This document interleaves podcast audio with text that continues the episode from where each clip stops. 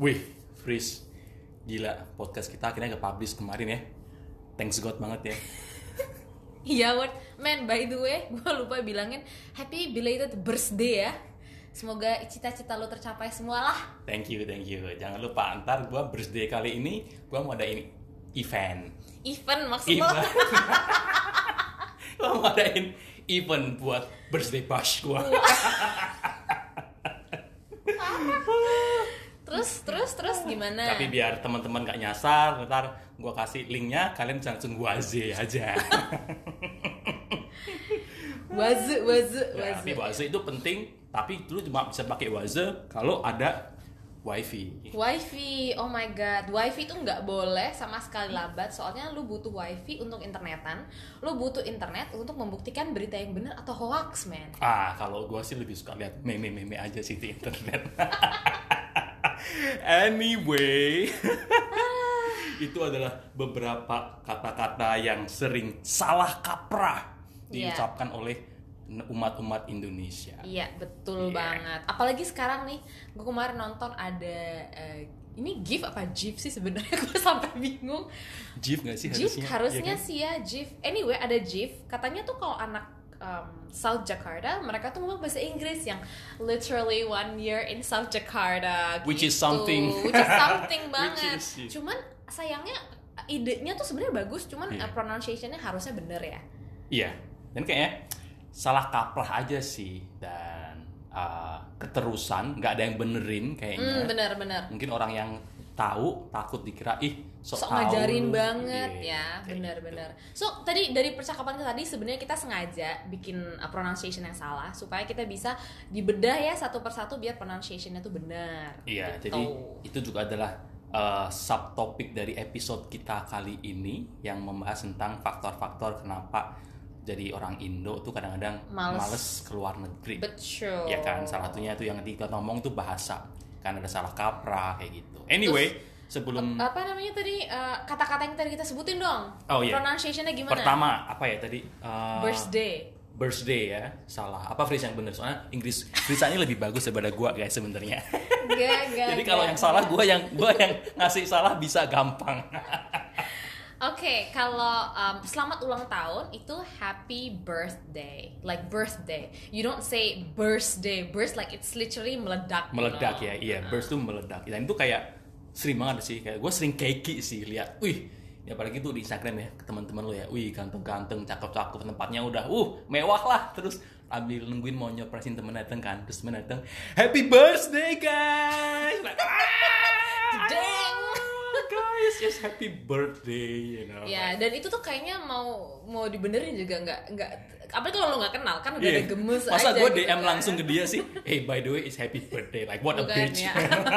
oh ya, terus bener soalnya kalau orang Indo kadang-kadang dibetulin mereka uh, takutnya tersinggung Eh ya. apa sih lo gitu Betul. Terus yang Iya kedua kan? tadi, uh, Tadi apa event. ya? Event. Ya, jadi Event. uh, acara itu pronunciationnya pronunciationnya adalah event dan bukan ini sering banget nih gue denger dia ngomongnya event. event ya. Padahal kalau event itu artinya beda lagi. bahkan ya. Iya betul. Bahkan event itu bahkan ya. Event itu Acara, acara. Yo iya betul. bener. Terus, tadi ada Wifi. ini wifi. oh my god. wifi. Wifi itu harusnya wifi. Yes, Iya kan? harusnya wifi. Kalau wifi itu slang untuk istri kan, wife. become- Wifi. Iya, husband, my wifi. ya. Ya, Tapi orang Indo tuh sering gitu tau masalahnya. Kayak mereka mau ngebahasa Inggris cuma jadi nanggung. Hmm. Wifi salah satunya ya. Dan terus yang gua baru inget nih, sekarang kita kan tinggal di KL. Tapi tiap kali beberapa orang yang gua tahu kalau mereka datang ke KL mereka bilangnya, "Eh, Word, gue mau ke KL nih." Iya, iya. KL. Q-nya, Q-nya dari mana iya, sih? Q dari mana? Istilahnya kalau bahasa Inggris kan KL. Kalau bahasa Indonesia KL. Kayak Itu Q dari tamu dari mana gitu kan. Oh iya iya bener-bener ini gue sering dengar sih kalau anak-anak yang baru mau kuliah biasanya Iya, iya. yang nanya oh mau sekolah di mana aku mau sekolah di KL, KL. gitu KL gue tanya kikil. soto kikil dong soto.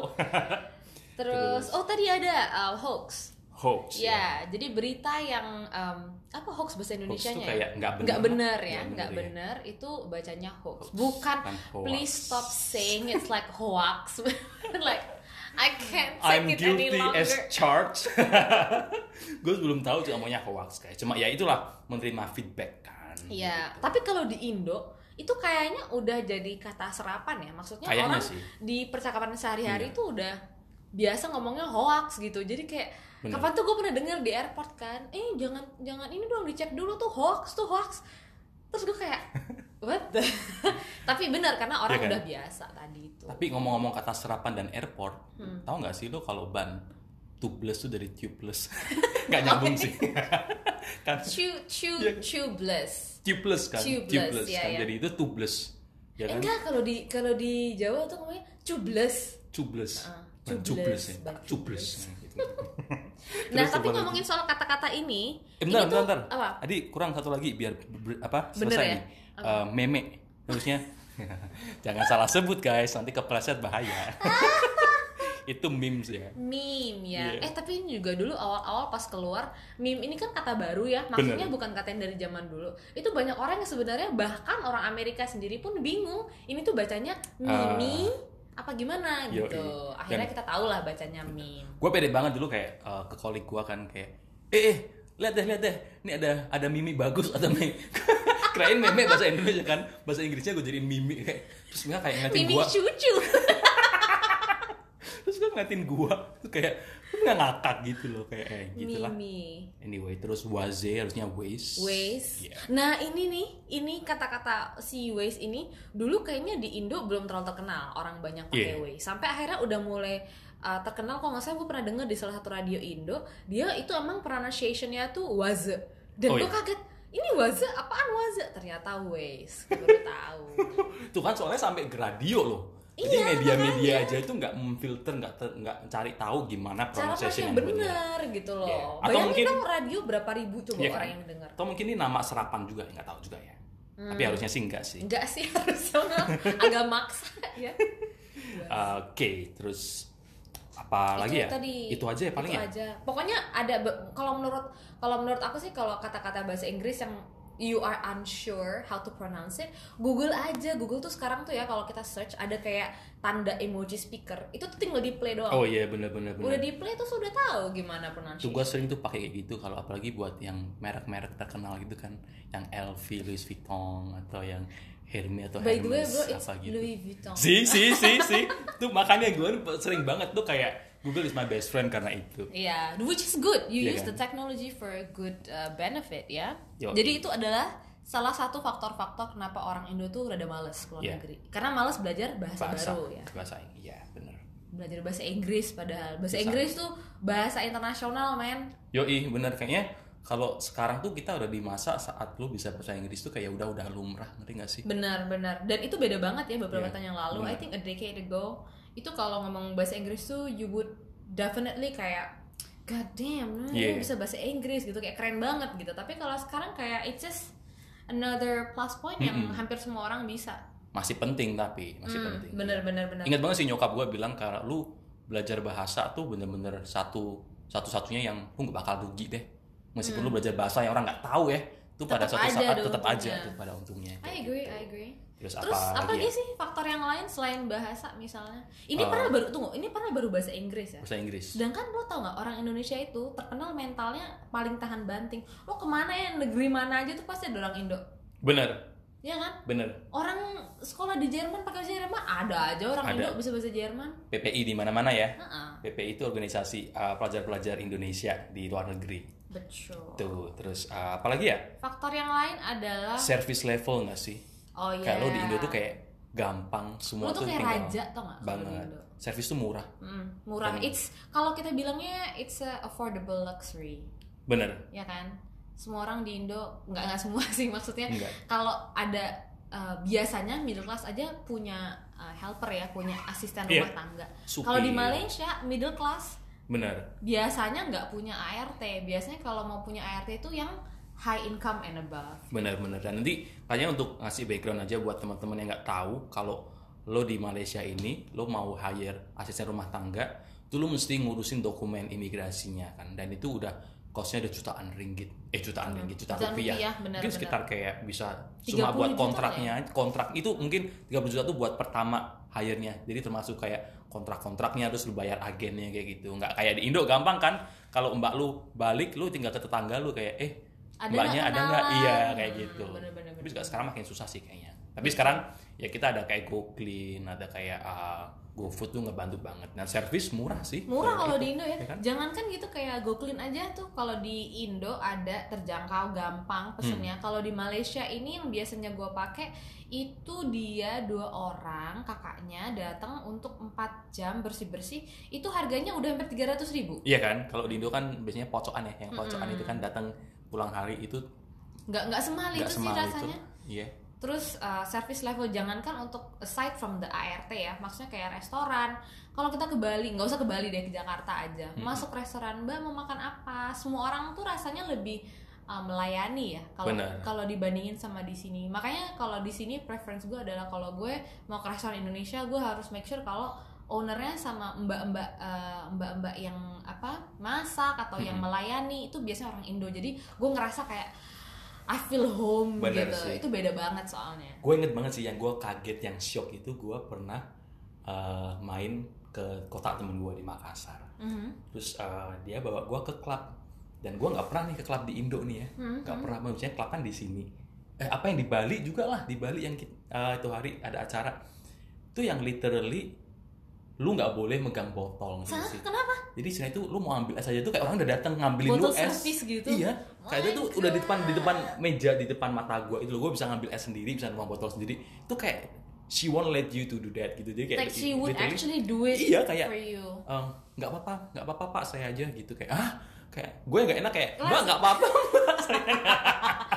think kalau sini tuh udah biasa mandiri ya. Jadi Yoi. just to give context kalau di sini itu kita pergi party, ya misalnya kita beli botol ya paling dia cuman bukain terus Tuangin first awalnya. gelas doang. Iya, Nah, iya. Habis itu gelas-gelas selanjutnya ya lu punya tangan lu ini sendiri Iya. lah gitu kan. Tapi Kalau kalau di luar ada enggak ininya. di Indo Eh tapi sama kalau di Bangkok juga. Bangkok juga ya Hmm, kapan itu gue pergi meeting kan apa sih itu ada bottle uh, ada kita pakai bottle service itu beneran yang literally every single cup sampai nih ya they go to a point where gelasnya itu lo tau kan kalau gelas dingin ke tangan lo suka basah Iya. itu tuh mbaknya tuh bikin ngelilit tisu di samping gelasnya biar tangan lo nggak basah men kirain banyak kedinginan kena hipotermia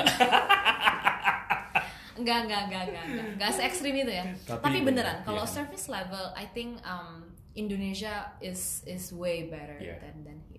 Think we should be proud of it also juga sih kayak service levelnya itu emang orang-orang biasanya terkenal Indonesia tuh dengan Indonesia yang hospitality-nya tinggi Mm-mm. ya kan And and you can tell that they're sincere gitu loh. Mm-mm. Not that they're doing it because of their job, tapi Mm-mm. memang uh, kelihatan, uh, it just you can feel it lah. Kalau tertanam gitu apalagi ya Uh, Uh, faktor yang lain itu, uh, gampang terus I think deeply rooted of family sih. Soalnya banyak orang Indo tuh uh, punya family value yang sangat besar ya dibandingin kayak bule-bule. I'm not saying that bule-bule tuh nggak punya uh, family value yang besar. Cuman ini just to give context juga kalau luar negeri apalagi di negara-negara yang udah maju ya first world country itu biasanya uh, untuk education buat anak itu kan gratis terus uh, mereka akan dapat banyak uh, subsidi dari negara mereka itu untuk membiayai anaknya jadi istilahnya Hmm. nih anaknya itu tidak punya utang apa-apa sama orang tua sampai Oh, mereka umur oke. 18 karena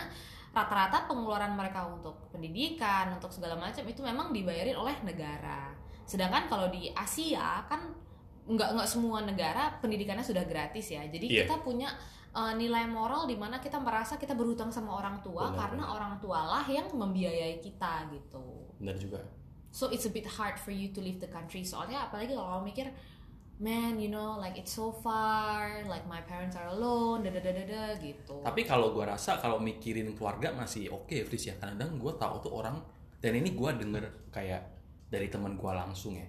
Dia bilang ah ngapain jauh-jauh? Susah. Di sini aja lah apa-apa ada. Oh iya iya bener-bener. Ya kan apa-apa ada tuh kayak ya iya I iya. mean emang sih di saat lu pikirannya itu bener. Maksudnya lu privilege-nya ada. Cuma dude kalau lu keluar sana tuh literally you experience something even more than that dan Yeah. I think untuk yang hal-hal kecil nyiapin makan sendiri baju sendiri itu is worth it gitu Iya loh. Ngerti betul sih? betul betul. And itu sebenarnya malah that type of skill yang bisa bikin lo survive Benar. ya. It's a survival skill though to be honest. dan gua kadang-kadang ya nggak tahu ya mungkin karena gua Virgo atau gimana ya Oke deh. dan kayak kadang-kadang gua kalau bersih-bersih kayak ngelakuin pekerjaan rumah tangga tuh kayak terapi buat gua ngerti nggak sih what? Lu bersihin rumah gue deh. Itu cuma apply buat rumah gua sendiri. Kayak gue terapeutik gitu enggak. sih. Gue kalau ngelihat bersihin rumah tuh malah lebih kayak ke chores gitu sih. Makanya gue cuman I'll just do it once in a week aja. Iya, tapi yang gua benci sih gua paling benci gosok baju sama nyuci piring sih. Oh pan oh my god those are the two things that I Iya. do because Joey doesn't want to do it. Itu gua gua malas banget itu yang, yang nyuci Oh piring sama gosok baju. Oke, Yeah, but oke, it interesting. anyway. Ya, kayak gitu. apalagi ya itu sih karena kadang lebih males kenyaman lah males. ma- nyaman. Karena udah merasa gue di sini udah enak I'm so Iya. privileged ke mana-mana gampang. Why do I have to start from scratch? Iya. di negara lain yang jauh mungkin lebih dingin nggak punya temen nggak punya keluarga rasanya susah gitu kan. Ya oh kita bikinnya kayak rasanya nelongso banget gitu. Tinggal di luar negeri. Tapi iya makanya yang pasti gua rasa tuh kita manusia ini ada adaptation skillnya. Jadi kita sih gua percaya lu cemplungin ke mana aja lu tuh pasti bakal nemuin cara bakal survive lah Hmm, hmm. soalnya kita tuh udah dari zaman dulu nggak pak nggak ada rumah guys kayak zaman dulu Adam dan Hawa ya kayak lu nggak ada apa-apa tuh lu survive lu Iya, jadi iya, mul- bener multiply sampai sekarang dan ya betul betul pasti ada betul. basic instingnya tuh pasti ada sih ya jadi pasti yang kita mau highlight sih keresahan-keresahan tuh yang menghambat kita ya. Menghambat ya benar. Yang yang bikin kenapa there's a lot more cons rather than the pro Iya. untuk sebenarnya pergi ke luar negeri. Gitu. Cool. I Gitu. think untuk segmen pertama that's pretty much it ya. Iya, kita akan lanjut ke section ke dua setelah pariwara berikut ini.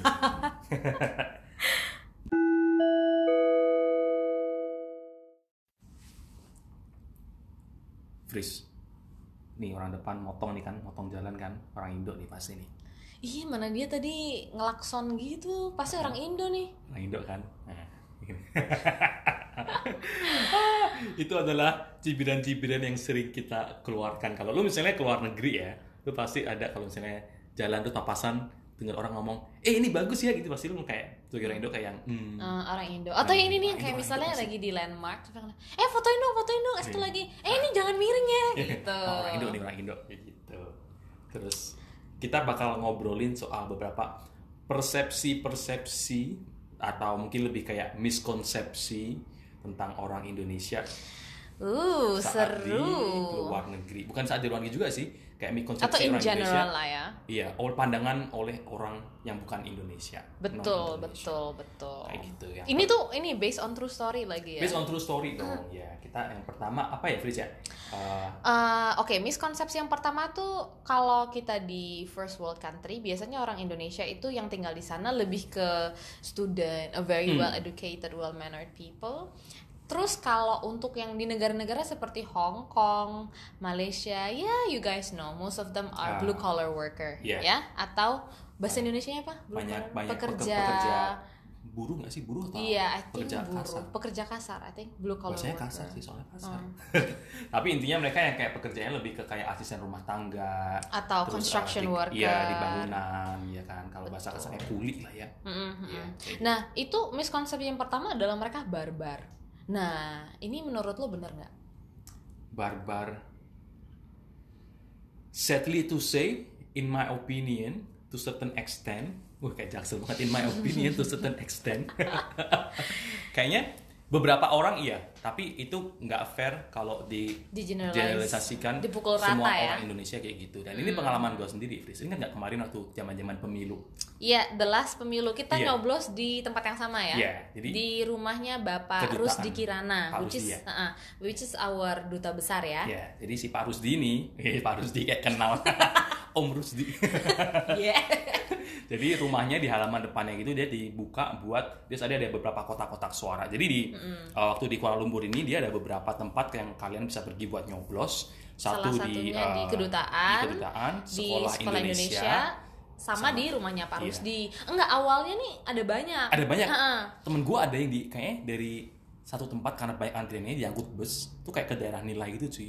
Iya, jadi Dan tuh katanya ada banyak banget TPS-nya. Terus sempat ada kayak uh, hoax tentang apa suara yang udah dicoblos atau gimana. Ah. Akhirnya decentralize cuma di tiga tempat ini aja gitu. Tapi kayaknya masih ada yang Tapi masih ada yang lain yang sih. terpencil-terpencil yang ada. temen gue dibawa ke nilai itu nilai itu guys itu kayak kayak sejam dari Kuala Lumpur gitu deh itu dia nyoblosnya di sebelah kayak tempat warung bakso literally kayak gitu What? Kayak waduh dia kirim foto kayak wih ya udah Nah kebetulan nih waktu pemilu terakhir kita nyoblos tempat yang sama. Cuman Iya. kebetulan gue datang duluan ya. Oh, Jadi gue ya? datang itu jam setengah sembilan pagi itu Hmm. gue pergi sama salah satu teman Indonesia gue Iya. dan itu pas kita datang itu literally nggak cuman ada antrian panjang tapi nggak jelas gitu antriannya itu dari mana ke mana terus eh, ada nomornya atau enggak dipisah People cowok just- cewek kan cowok cewek dipisah kan? Enggak, jadi Oh, satu belum ya?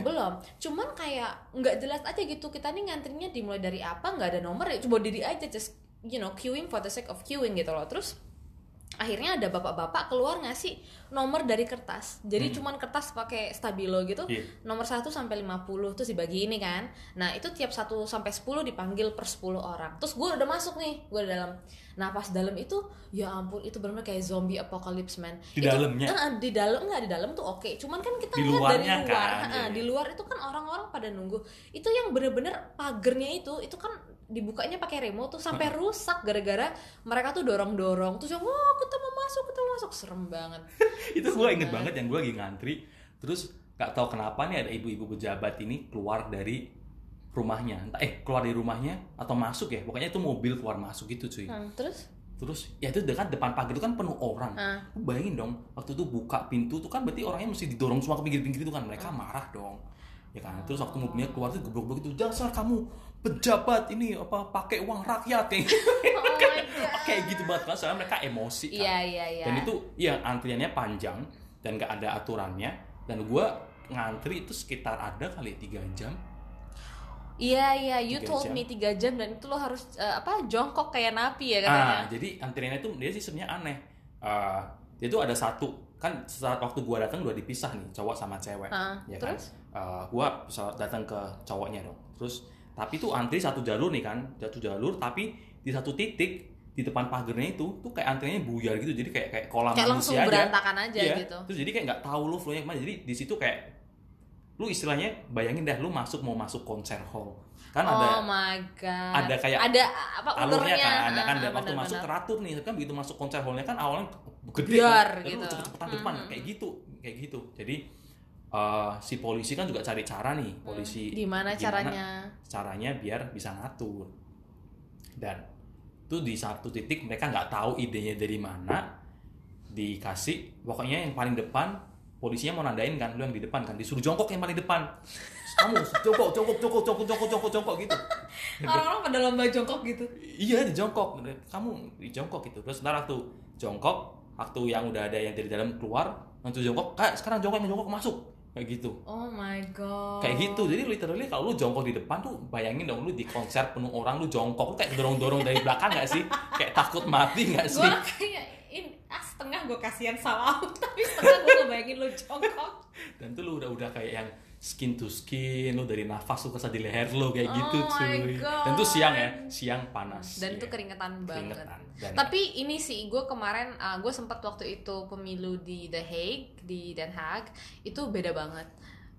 Eh, beda banget pengalamannya. Ngantrinya sih ada, cuman it wasn't that it wasn't that scary. I would Yeah. say kalau kemarin tuh bener-bener yang pas di Malaysia tuh pemilu bikin gue kayak damn serem juga men gitu. om gue yang di Sydney juga dia foto kan dia apa pemilu di Sydney dia santai-santai aja iya kan, maksudnya cuma ya secara di Malaysia apa banyak banyak orangnya yang bekerja bekerja kasar juga kan gitu. I believe di Singapura sama Hong Kong would probably be the same.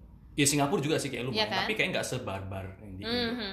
Ah true true true. I think I think I have to agree with you yang on sebarbar that. yang nggak di Indo di KL maksudnya ya tapi ada bagusnya juga sih apa terus kayak mereka ada yang beberapa yang solider lah ya. Terus ya ada yang bagi-bagi air tuh ada. Eh ini air belakang pas pas pas. Itu Oh, that's very itu something good juga. Jadi yeah. ya jiwa. I think unity like the brotherhood itu sebenarnya it, it's quite strong ya, Iya. agak kuat kalau within the Indonesia. Tapi itu lumayan sih kan kan lagi panas nomor satu nomor dua kan Jokowi Prabowo kan. Oh iya iya iya benar-benar. itu gila itu mending ada yang beneran naik motor kayak Jokowi Jokowi terus ada Ya. yang ada Prabowo Prabowo nomor satu nomor dua gitu gua aduh wah gua Itu sebenarnya nggak boleh loh kalau di pemilu itu you cannot show your political Iya kan? opinion gitu. Jadi cuman gimana ya mungkin ini kan kayak lu lagi uh, football match lu kan nggak Yoi, tahan pengen gitu. menyuarakan siapa yang lu support gitu Iya, loh dan ya kayak lu gak ada gunanya gak sih Bener, Nah, bener, terus bener. gitu terus ada saking barbarnya ya kayak itu ada ini nggak tahu nih anak satu ya gue nggak tahu lu tahu pemilu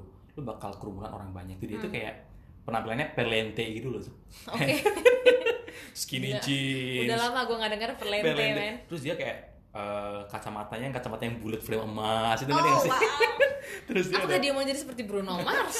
terus dia ada pakai on ear headphones itu ngantongin kepalanya kayaknya apa ya mereknya ya Ons banget lah. iya pokoknya. kayak skull candy apa apa gitu lah kayak wih kok lu di sini pakai begini? Kan nyentreng banget ya. Terus ada abang-abang di depannya gitu. Coba dia balik. Terus ngeliat media gitu. Terus tiba-tiba abangnya gini kamu Cina ya? Jedeh. gue di belakang dia kan. Untung gue pakai kacamata hitam. Oh my god, serius lo? ya anjir ya. Terus dia dia diem aja. Gue nggak tahu juga sih reaksinya bakal gimana dia kayak diem aja kayak terus tapi kayak tau abangnya kayak terus melengok sendiri kayak terus ngadep depan sendiri gitu kayak Tau kalau di Malaysia kita sering banget tanyain kayak gitu kan? yo iya by the way iya sih di Malaysia sering banget lu tanyain Oh, miskonsepsinya salah satunya adalah orang Malaysia juga berpikir kalau semua orang Indonesia itu adalah orang Islam. oh iya benar Itu which is obviously nggak benar. Dan ketika biasanya kalau kalau gue di sini I will actually explain to them kayak kita ada berapa six official religion, bla bla bla. Mereka kaget, apalagi orang-orang yang baru pertama kali ke Bali. Karena mereka ngeliat oh ya orangnya hitam, you know, like Yeah. maybe mereka orang Islam, ternyata mereka orang Hindu dan mereka kaget gitu. Karena menurut mereka tuh there's no such thing kayak Yeah. gitu. Kalau di Malaysia soalnya nggak boleh kan. Iya di Malaysia kan soalnya kalau lu Melayu lu pribumi lahir otomatis by law hukumnya lu udah pasti Islam Betul. dan itu yang gue bangga sebagai orang Indonesia ya itu kayaknya kita ada freedom of ada choice freedom ya. of choice tuh bisa milih agama apa Hmm. Lu mau pindah segala macam juga terserah lu gitu Iya. ya. Terus miskonsepsi kedua adalah mereka suka, suka berpikir kalau eh, apa Indonesia itu adalah negara Islam, which is Hmm. wrong karena Indonesia itu adalah eh, negeri eh, sekuler yang memang mayoritasnya Islam terbanyak Benar. di dunia, Iya. tetapi pemerintahannya tidak berdasarkan agama Islam. benar Gitu. Sedangkan kalau Malaysia hukumnya kalau hukumnya Memang. emang Islam karena mereka ada hukum syariah ya. benar hukumnya emang negara Islam Terus miskonsepsinya apa lagi nih? Konsepsi apa lagi? Oh ya, eh, mereka nggak tahu kalau di Indonesia tuh kayak ada beragam suku juga gitu loh. Oh iya benar-benar karena kalau di sini kan mereka sangat dikotak-kotakin ya, Iya. you're either Chinese, Malay, Indian atau dan lain-lain atau sisa-sisanya yang Iya. lain itu. Sedangkan kalau di Indonesia em, kan suku-sukunya banyak, Benar. ya kan? Jadi Mereka kita suka tanya ya. enggak, kita Agama tanya nggak sih? Nggak juga ya? Kalau isi isi Nggak, form gitu? nggak. Nggak kan? Nggak. Jadi kalau di sini lu mau daftar apa pun apa pun, kayak mau membership Hmm. shopping mall ya, itu kayak tanyain kayak rasnya, rasnya apa. apa. Di Malah Indonesia gitu. udah lama banget Sana kecuali pas gue bikin surat SKCK itu dia cuma ditanya etnis doang tapi bukan ras ya. Maksudnya soalnya kalau di Indonesia kita kan etnisnya memang beda-beda. Kita memang ethnicity. Dan sedangkan kalau di sini itu mereka selalu ngelihat orang Jawa orang Iya. Makassar kalau agak ten kayak gue dikit dikiranya orang Melayu. Padahal kita bukan orang Melayu Yoi. gitu. Ya selalu tanyain sih kayak apalagi, tapi lebih ke yang kayak nggak pernah ke expose ke dunia luar sih. Kayak itu Betul, mereka kaget kayak terus betul. kayak ketemu gua, nama gua juga kebetulan nggak terlalu Indo banget. Eh, oh terus- nama gue juga Iya kan? Ya, Terus- ya. ah you're Indonesian iya terus apalagi ya apalagi yang oh you eh, speak really good English ah things like that gitu. padahal Inggrisnya biasa-biasa aja sih tapi karena ekspektasi mereka rendah gitu Iya, karena mungkin mereka asem. ngira seorang Indonesia tuh ya mohon maaf ya, Iya. cuman mereka ngelihatnya selalu you know you are the blue collar worker dan Yes. orang biasanya suka kaget apalagi kita kan sekarang di kantor uh, manager ya, we're in a managerial position, mereka suka kayak kaget gitu yang oh you know you're Indonesian, oh you're manager gitu. Kesannya kayak ah hello, you know, like Banyak gitu, banyak iya, kali, iya, iya. you know. Jadi bagusnya sih gitu kita Mm-mm. also educate people who ask us along the way. lah. happy to do that sih happy, to do that that, tapi kayak iya oh iya orang Indonesia terus kayak mereka kayak apalagi, apalagi gua ya tanyain kayak oh but you look like Chinese dia bilang gitu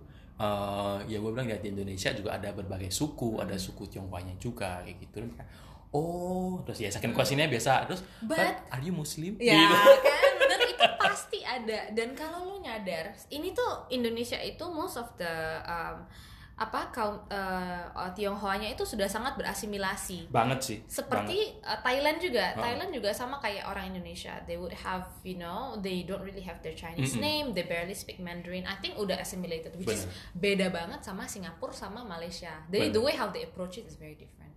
Kayak gitu. Makanya banyak pertanyaan-pertanyaan kayak gitu. Oke, moving on.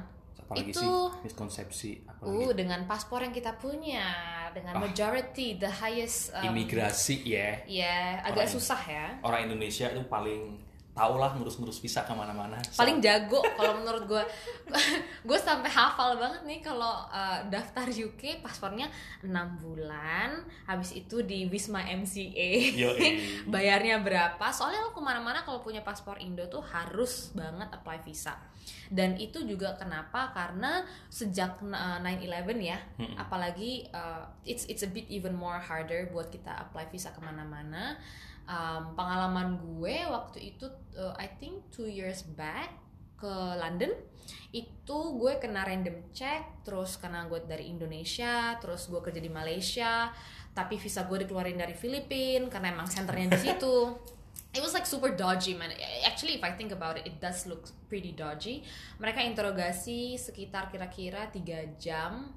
It was a pretty traumatizing tiga jam di imigrasi sih nggak main-main Nah, loh Enggak, ini bener-bener kayak lo kalau nonton border security. Iya. itu Iya, itu gue kayak gitu. Nanti ditanyain sama orangnya Oh, tell us, you know, riwayat hidup lo ke mana aja Terus lo sekolahnya apa, ini segala macem. Sampai cowok gue kan ditanyain juga nama gue siapa Biar jawabannya Sinkron. match gitu. Uh, Dan apalagi kita kan, I mean uh, Me and my boyfriend kan biracial couple. Jadi Ha-ha. banyak orang ngerasa Our relationship tuh sham relationship gitu pura-pura doang gitu kan. Terus ya udah akhirnya sejak itu gue kayak agak eh, ini ya ber- berpengalaman ya. Jadi kalau aku pergi sama my partner kita selalu kumpulin paspornya barengan.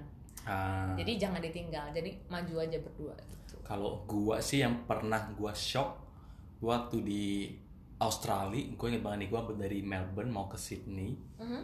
itu gue kena random check. Random check tau nggak random check apa, Apa? bom check. Kayak I mean look at me. Dahsyat men. Lu like one harmless Asian harmless man Asian. gitu kayak.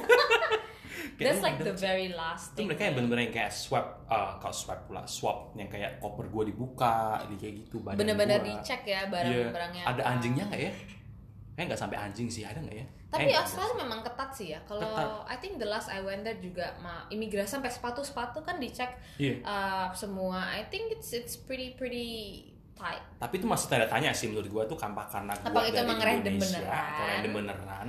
You kan, never soalnya. know. You Kalau never kayak know. menurut gua sih, ya maksudnya mereka juga being very careful ya mungkin karena doesn't mean that like I look like harmless Asian man, I can be someone who is threatening gitu kan. you deep down inside. Tapi ya gua mikirnya ya elah kayak gua aja dicek gitu kan. Tapi ya Tapi you never know. Maybe it because of your passport. Maybe it because Mungkin. just it's so random. Indonesia, terus dari Malaysia juga gitu True, kan. true, true. Kayak gitu. Tapi ya itu sih salah satu miskonsepsi. um, balik lagi, apalagi kalau kita ke Middle East, kapan tuh gue pernah uh, transit itu yang ini sebenarnya sangat-sangat prihatin sih ya. Soalnya banyak domestic worker yang dari Indonesia itu beneran disuruh jongkok dan digiring dan dibentak sama orangnya itu itu kayak bebek gitu karena ya mungkin balik tadi ya ke miskonsepsi yang pertama gitu mereka memang it's just so hard to tell them to do things gitu Hmm. dan which is kita nggak bisa salahin juga kan Iya, kenapa bener. gitu dan sebenarnya gue juga lumayan sempet malu ya. Waktu yang pemilu itu itu kan di daerah ru- perumahan kedudukan itu kan daerah perumahan misalnya yang proper ya. Itu yang kayak landscape-nya juga apa uh, bagus ada tanaman-tanaman. Mhm. itu abis pemilu tuh gila tuh kacau tanaman dijek-injek pinggir jalan. Gila men. Hancur dua ini tuh sama tahu kayak yang sampah di mana-mana juga eh, banyak juga acara-acara di Jakarta yang gue sering dengar tuh katanya abis eh, itu stadion hmm. abis tanding bola itu udah heboh banget Iya kan, terus sampah kayak ya ya ilah sampah satu dua tuh kenapa sih nggak lu bawa, lu cari tempat sampah Hmm. Bener, buang bener. kan? Tanaman ada di situ yang bok jangan diinjek injek kan? Dan ini tuh malu kenapa? Karena kalau lo keluar negeri kayak gini, attitude-nya itu bikin malu. Karena di Malaysia kejadian kan waktu itu eh, tanding bola Hmm. antara Indonesia dan Malaysia. Terus kalau nggak salah kita, supporter Indonesia tuh ngelemparin apa gitu. Terus akhirnya jadi riot dan segala macam. Which I think sebenarnya ya nggak usah gitu-gitu banget. Nggak usah lah, ya, Sportif kan harusnya. Kalau gua sih ngerasa kalau lu keluar negeri itu lu bawa nama negara lu nggak sih? Mm, bener banget. Iya, harus lebih hati-hati lah lu dalam bertindak, bertanduk gitu kan, berkata-kata tuh mesti mesti hati-hati sih. Bener sih soalnya siapa pun itu kalau lo punya paspor negara mana pun itu lo ke mana-mana memang lo bawa nama negara lo sendiri Iya kan? gitu jadi harus dijaga bener-bener. Mm-mm. Terus. Wow, panjang ya Lumayan. podcast kali ini. Ada Oh, lagi iya. nggak nih yang lain? itu aja sih kayaknya yang dari gua tapi eh, kita mau konklusi ya gimana nih Boleh, boleh. Ayo kita conclude.